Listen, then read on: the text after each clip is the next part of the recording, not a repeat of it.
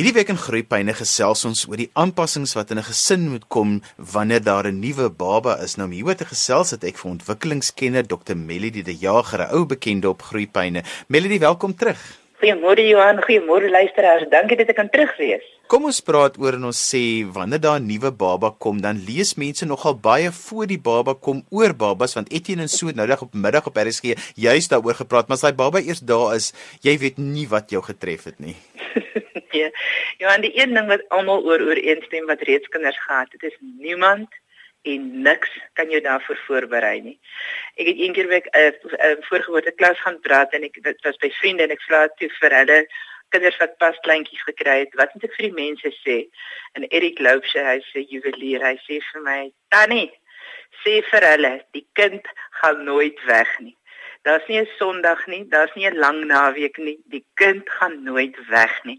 En dis een van ek dink die moeilikste aanpassings as mens 'n nuwe babatjie in die huis het, is om te besef dis dit is as die Here dit so wil, dit is vir altyd. So da ja, die verantwoordelikheid is groot. Die onvoorspelbaarheid van 'n kleintjie. Dit is nie 'n broodrooster of 'n selfoon wat jy kan aan of af nie. Dit Hulle het hulle eie ritme en die ritme pas nie by jou ritme aan nie. Dit maak nie saak wat jy gelees het en hoe goed voorberei 'n mens is nie. Dit is nog 'n redelike skok om te besef jy is toe eintlik nie die hoofkarakter in die gesprek in in hierdie verhouding nie. Die baba is nie baba behoort te wees. Want die baba gaan vir ons die tempo bepaal. Christel Webber, my kollega by RSG het eendag so 'n waar ding gesê. Sy sê as 'n mense 'n baba in 'n gesin kry, dan verwag jy dat daai kind se ontwikkeling gaan wees soos 'n vliegtyg wat in Johannesburg opstyg en in Kaapstad land. Maar die realiteit is is dat daai vliegtyg gaan heeltemal 'n ander roete. Dit is skrikkelik snaaks. Dis absoluut so. Want die wat die boeke sê en ag weet julle, die TV en Facebook en en die die tydskrifte is so fantasties om vir jou hierdie van hierdie mooi versorgde mamma te wys. Met hierdie blosende baba met die met die blink oogies en die skoon kleertjies dis nie waar nie. En ongelukkig dink ek mens dit word so ingeprent in 'n mens dat 'n mens dink dit is die norm. En dan kom jy by die realiteit agter Um, maar hierdie kleintjie skree en hierdie kleintjie stink en hierdie kleintjie is vuil by tye en en dit maak nie saak wat jy maak nie partykeer hou hulle aan huil. Ek ek dink dit dit veroorsaak vir al en nou se dae vir al en die die mammas wat meer ehm um, ehm um, koöperatiewerig is of weet wat 'n buite werk het. Want ehm um, hulle is gewoond aan 'n sekere tempo van leef en hulle is gewoond mense is gewoond jou jou lewe is onder jou beheer. Ai met 'n baba is dit nie. Nou Melody, jy's 'n ontwikkelingskenner en jy's veronderstel en ek gebruik dit in aanhalingstekens om al hierdie goeters te weet. Wat was vir jou die grootste aanpassing persoonlik met babas? Johan, dat dat die mense nie weet wat om met hulle te maak nie. Jy weet as as iemand vir jou sê ek is dors, dan kan jy vir hulle iets gee, maar as hulle net huil en jy weet nie jy weet nie wat om te doen jy het die doek geruil. Jy het die jy het vir die kleintjie um, kos gegee. Nou wat nou? En jy het seker gemaak die winde is uit. Dit was die frustrasie van my lewe toe ek die eerste keer mamma was. Om om agter te kom wat wil hierdie wat het die kleintjie nodig? Jy voel so oneindig hulpeloos. My man was ongelooflik. Hy het altyd gesê, hy het uit 'n lysie, hy het 'n afteklysie gehad. Het jy gekyk of die doek skoon is?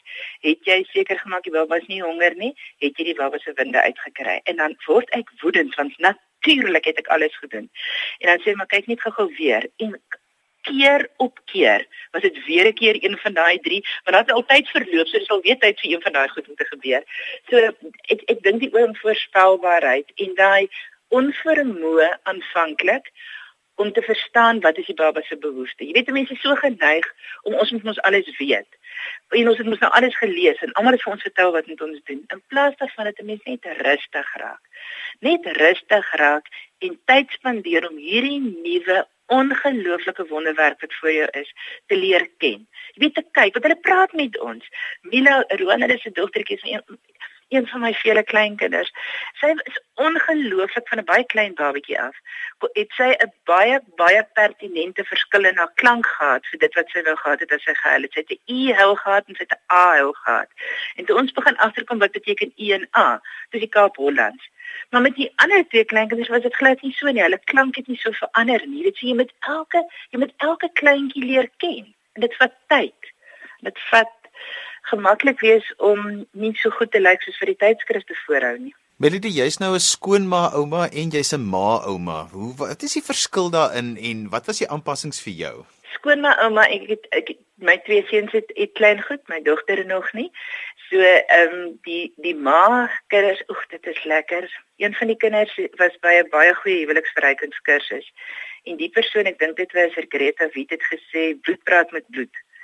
En dit is 'n ongelooflike wys wyse stukkie raad gewees. So as as daar iets is wat 'n mens oor wil praat, dan praat bloed met bloed. So ek praat met my seuns en ek sê ek wonder en vir my skoondogters ek net lief en ek bewonder hulle so ver ek kan want dit is moeilik. Ehm um, jy moet jou plek hê. En dis nie omdat hulle wil hê jy moet jou plek hê nie, maar hulle het 'n ma en hulle ma moet vir hulle lei. En jy weet ja, een van die groot hakplekke in in die wonderlike ding van pappas wat nou so daar so betrokke is, is Pappas is regtig meer betrokke as enige tyd ooit van tevore in die hele geskiedenis van die mensdom. En hy het sy voor en sy nadele, maar een van die ongelooflike voordele daarvan is die pappa bring sy opvoeding in die verhouding. In die ou dae het het die ma eintlik die pas aangegee. Dit was sy het geweet hoe met die kind groot geword gemaak word en pa het sy goed hou buitekant gaan doen. Maar nou sit daar is nie meer so nie. So daar's baie keer konflik oor die manier wat dit by ons huis gebeur en die manier wat dit by hulle huis gebeur het. Verstaan? So as as um, ouma jy met jou plek ken en jy met jou tyd afwag en jy moet eintlik net lief wees. Melody, so kom ons begin praat oor die aanpassings wat daar in 'n gesin moet kom vir 'n nuwe baba. Lys so 'n paar van hulle en kom ons gee 'n bietjie wenke hoe mense daarbey verby kan kom. Weet jy Johan, ek dink net mense moet voorbereid wees in die sin van bou voordat wees prakties. Maak seker jy het genoeg skoonmaakmiddels, maak seker jy het genoeg doeke, maak seker jy het genoeg nie net baba goede nie. Maak seker jy het genoeg kos, jy het 'n opbou van melk en brood of wat dit ook al is wat jy nogal 'n stapel voedsel beskou, sodat 'n mens nie um, skielik iewers heen moet ry en iets gaan koop nie want die woord skielik bestaan nie in die huis van 'n nuwe babatjie nie. Daai geboener om da, om die kind in die sakke en die en die wat nodig mag wees alles bymekaar te kry net om gou-gou melk en brood dis chaos. So bietjie voorbereid wees is regtig baie belangrik. Dit is, ek dink dit is belangrik om te weet wanneer om hulp te aanvaar en wanneer om grense te stel. Jy weet 'n mens probeer so hard om alles self Maar ons is nogal baie sterk in 'n in 'n in 'n era waar elke mens moet self. So dis belangrik om te weet wanneer het jy hulp nodig en jy moet weet vir wie kan jy vra vir hulp.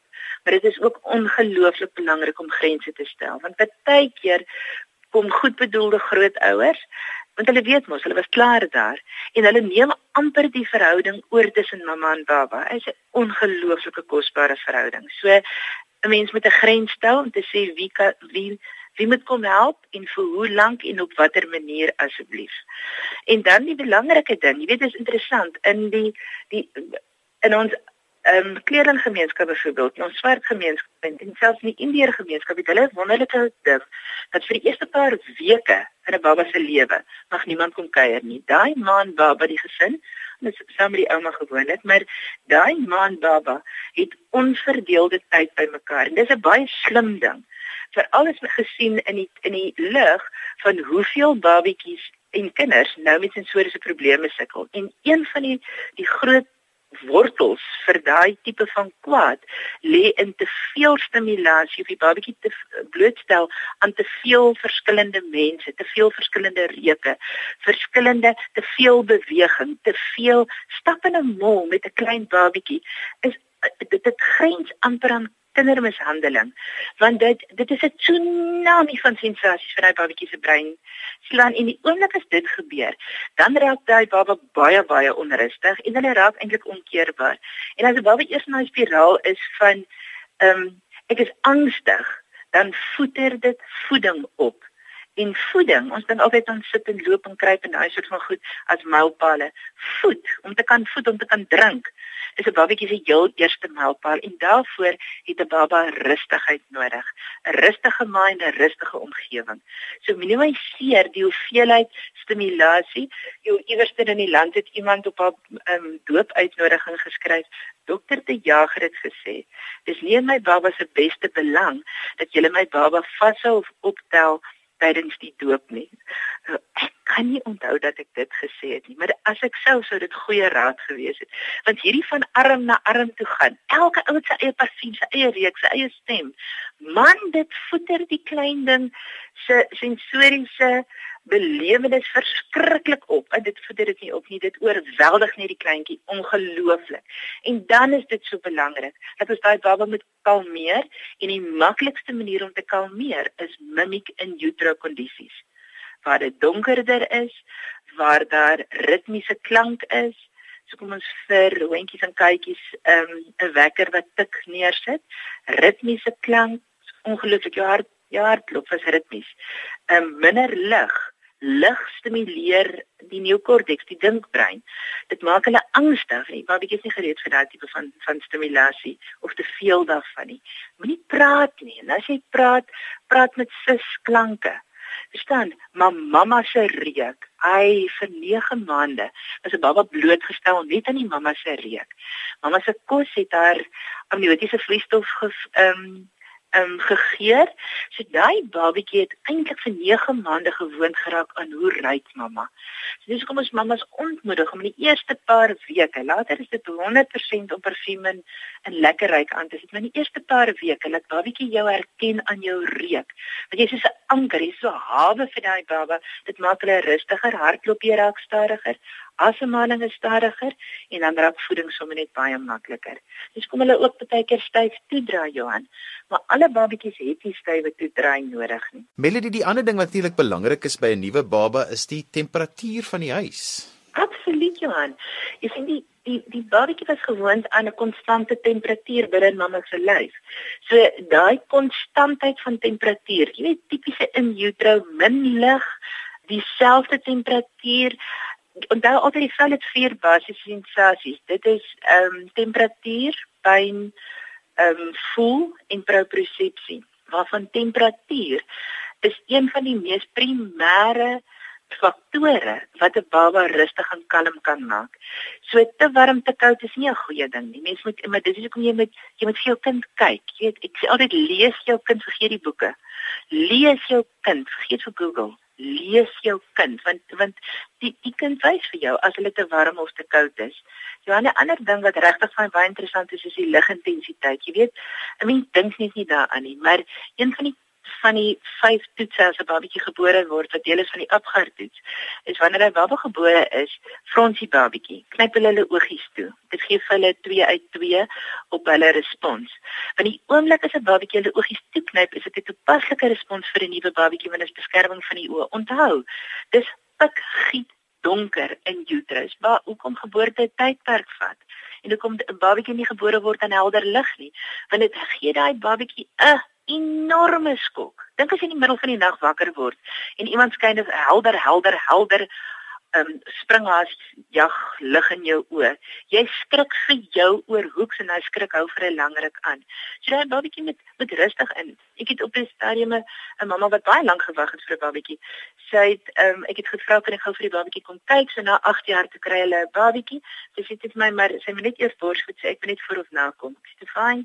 Ruk later bel ek weer. Is, wat gebeur nou? Nee, babatjie is nog nie wakker nie, maar toe raak dit hier na 4 ure se kant toe en die babatjie is 'n klein babatjie gewees dit van wie kom hulle gou weer kom aanval in elk geval? En toe daar kom maar toe trek ons daar al 5 ure dit klink vir so pasgebore baba is dit heeltemal te lank want hulle bloedsuiker val.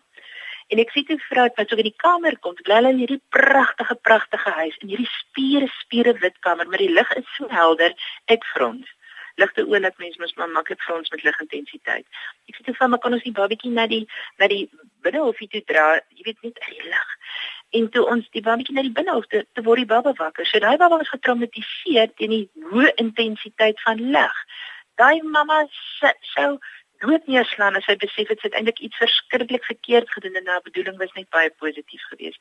So sensitiwiteit ehm um, vir die verskil tussen dit wat aan die baba gewoond is en dit wat aan ons die baba geleidelik nie so eenslag klips nie, geleidig moet blootstel. Melanie, wat se impak het 'n baba op rotine? Want ons weet tog almal, is dit die baba se rotine, is dit die ma se rotine, is dit die pa se rotine? Wel, ideaal sou dit definitief pappa en mamma se rotine wees. Maar die werklikheid is die baba se rotine in die begin. Kyk, ek het nou die dag na na 'n baie knap spreker gaan luister wat gepraat het oor borsvoeding oor voeding oor die algemeen maar borsvoeding spesifiek. En sy het gesê mense moet kyk 'n babatjie se maagie is so verskriklik klein. Om te dink daai baba ag man ek Johan ek het nou gesê dis so groot soos 'n 50 sent stuk. So vir daai ba babatjie om vir, vir 3 ure te wag vir die baba drink die maagie moet rek oor tyd sien in utero daai babatjie geëet en gedrink net wanneer hy wil. Dit was on tap. Dit was die hele tyd beskikbaar. Maar na geboorte moet 'n mens in die begin voet hulle vreeslik naby mekaar. En dit voel verkeerd want ons wil hulle in 'n ritme kry. Maar dit moet eers so wees want die baie drink rek die magie en dit stimuleer mamma se melk. Verstaan, so daar's 'n ritme wat moet regkom, dit vat 'n paar weke. So dit is nie na die derde dag met alles in plek val nie. So mens moet realisties wees met jou verwagting. Ek het ehm um, in voorbereiding vir die program het ek 'n 'n 'n stukkie gelees wat iemand gesê jy moet jou verwagting verlaag. Ek dink jy moet jou verwagtings verlaag nie. Ek dink jy moet realisties wees. Jy en jou kind moet aan mekaar gewoond raak. Jou kind het 'n enorme sprong gemaak van die lewe van absolute koestering in utero na die lewe in lig en lug toe. Hey, net om asem te haal is vir hulle baie moeilik. So mens moet net 'n bietjie sensitief wees en 'n bietjie rustig wees.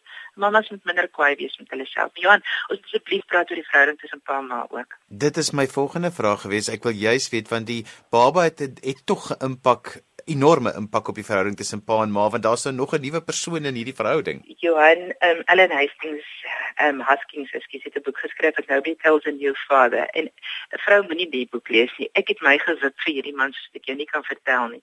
Want op 'n stadium vertel hy nou van hoe hy altyd na sy ou poppie gekyk en hierdie pragtige boutjies wat hy gehad het. Hy sê hy kyk na haar so op 'n stadium toe sy so boek om die baba se um, doek te ruil en hy dink my genigtig, my poppie het verander in 'n aanloopbaan vir 'n boeing. En enige vrou wat dit hoor, sou die man aan sy gordel gryp. My enige man wat nou na die program luister, sal so sagkens saam glimlag want dit is nog 'n bietjie van 'n skok. Die hele verandering in die vrou se lyf na haar tempo. Veral as jy skerp poppie getrou het en as die baba gebore word, die vrou word stadiger en sy moet, want haar mamma brein lê in haar emosies. Maar sy raak ook vreeslik selfsugtig en sy raak vreeslik sy is die enigste een wat reg gewoon na die baba kan kyk. So pa word eintlik heeltemal af, af afgeskeep. En hy skryf baie baie mooi. Hy sê partykeer voel 'n man soos die be, be, beursie en die sakdraer. Hy moet die goed dra en hy moet betaal, maar vir die res moet hy asseblief net sy plek in en uit um, weggaan. So mans is nogal veral as daar nie baie goeie gesprek tussen tussen pa en ma voor die tyd en direk daarna is die kommunikasie is ongelooflik belangrik. Kan 'n kan 'n pa baie maklik uitgesluit voel. En ehm um, jong, 'n ma is 'n baba se anker, maar 'n pa, hy's anders, hy voel anders, hy praat anders, hy ruik anders, sy bors voel anders as mens op jou maagie want maagie tyd begin nie as babatjies op 'n mat lê nie, dit begin net na geboorte as 'n babatjie op mamma se bors lê, was sagte sagte bors wat 'n bekende reuk het en dan oorgaan na pappa se bors toe. Partykeer is hy hard, partykeer is hy hard, maar daai andersheid van pappa is uh, navorsing wys te keer op keer 'n pappa wat betrokke is van vroeg af se het 'n beduidende impak op 'n kind se kognitiewe ontwikkeling. Ek is nie baie mal oor IQ praatjies nie, maar eh, daar's baie navorsing wat wys die betrokkenheid van 'n pa sit weliswaar 'n punt of 4 by in 'n kind se totale kognitiewe ontwikkeling. Melody, maar die ander aanpassing en gewaarwording wat ons nie eintlik oor praat nie, want dit voel so half verbode om daaroor te praat, maar nie alle ma's is baba ma's nie. Johan, weet jy, um, ek gaan nog gou twee Engelse woorde gebruik. Ehm um, Michelle O'Day, sy 'n verloskundige uit Frankryk wat nou in Engeland bly. En hy sê baie interessante ding. Hy sê you either a mother or a lover. You either a mother or a lover.